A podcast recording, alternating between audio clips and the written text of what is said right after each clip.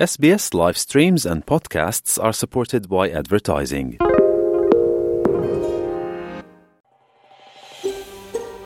شما با پروگرام دری رادیوی اسپیس هستید گزارشات عالی را در sbs.com.au دری پیدا کنید شنونده های محترم آیا می دانستید که انتخاب غذای شما می تونه بر احساس شما تاثیر بگذاره؟ کاهش انرژی، احساس کمبود و مشکلات در خواب می تونه نتیجه انتخاب های غذای ضعیف باشه. این هفته در استرالیا به عنوان هفته توجه به غذای صحی است. برای دریافت معلومات بیشتر در این مورد از محترمه سحر حاجب متخصص تغذیه در شهر ملبورن دعوت کردیم که در این مورد بیشتر معلومات بتن.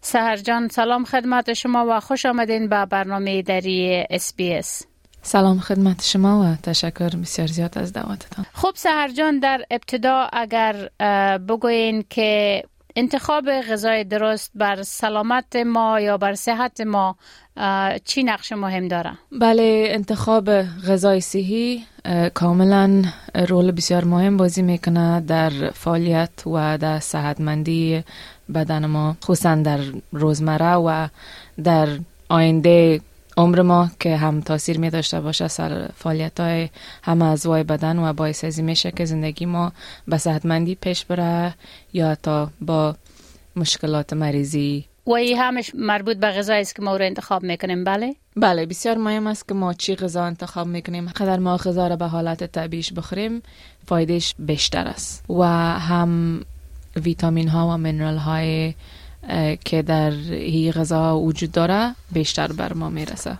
نسبت به که ما مثلا غذای process کردگی را بخوریم غذایی که چربی مضر می داشته باشه غذایی که شکرش بسیار بالا می باشه این نوع غذاها بیشتر بر ما ضرر می رسانه و در فعالیت هم اعضای بدن ما ضرر می رسانه هر چقدر ما غذای process شدگی را بخوریم هم به جگر ضرر داره هم به قلب تاثیر داره هم به سیستم هاضمه ما بسیار ضرر میرسانه و مشکلات پیدا می‌کنه به شکر خون ما.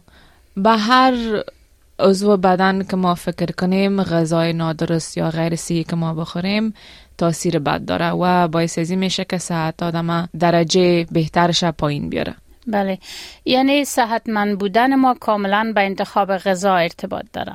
بله. هم به غذا و هم به خوی خواص ما از نگاه سایکولوژیکال هم تاثیر داره سر صحت ما. اما اگر ما کوشش کنیم که غذای خود به طور صحیش بخوریم تاثیر بهتر می داشته باشه سر فعالیت بدن ما و صحت ما.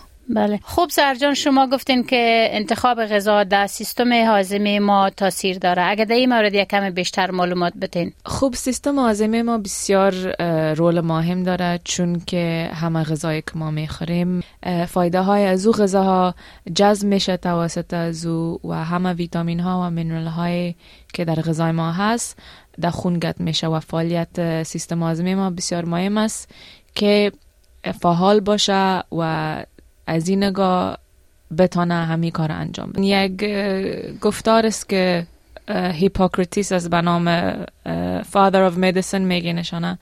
اینا میگن که همه مرض ها اول در میده شروع میشه. چرا؟ به خاطر از که هر غذایی که ما می‌خوریم اول به میده می‌رسه. بعد از او توسط میده در همه ازوای بدن دیگه فایده هایش می‌رسه. خب سهر جان اگر کمی بیشتر در این قسمت معلومات بدین و بگوین که فرزن چی نوع غذاهای ما باید بخوریم که فعالیت هاضمه ما بهتر و آسانتر باشه؟ خب دو نوع غذا است که ما می‌تونیم بخوریم و مهم است بر فعالیت سیستم هاضمه ما. اولش است که مایات بسیار زیاد مهم است چون که 70 فیصد وجود ما و بدن ما از آب است.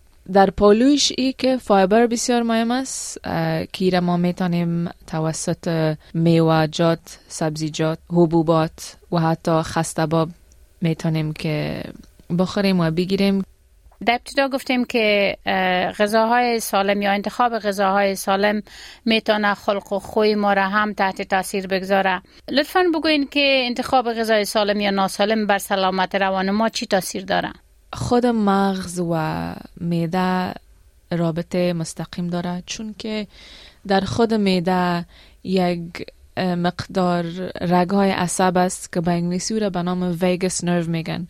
vagus nerve مستقیم ارتباط داره به خود مغز یعنی direct connection میگن. فلهذا چیزی که ما می‌خوریم غذایی که ما می‌خوریم مستقیم تاثیر داره به خاطر که رابطه ای دوتا مستقیم است. هر چی غذایی که ما بخوریم به هر چقدر به حالت طبیعی بخوریم فایده هایش بیشتر می باشه فلهذا فایدهش بیشتر است. بر مغز حتی ای باعث ازی میشه که mood ما را تغییر بده. غذای صحی و طبیعی هر چقدر هم بخوره. mood آدم تغییر میده. یعنی mood آدم بهتر می‌سازه. خلق خوی آدم خوشتر می‌سازه. برعکس ازی که ما هر چقدر غذای process شدگی ره بخوریم نام junk food مثلا اگه بخوریم غذای سرخ شده زیاد بخوریم غذایی که مثلا شکرش بالا باشه بخوریم. حتی هم سر شکر خون ما تاثیر می‌کنه هم هم سر چربی خون ما در سیستم آزمی ما هم سر جگر ما فشار میآید. و کوشش کنیم که هر چقدر غذای به نوع طبیعیش بخوریم بهتر سر خلق خوی ما تاثیر داره. بله تشکر سهر جان.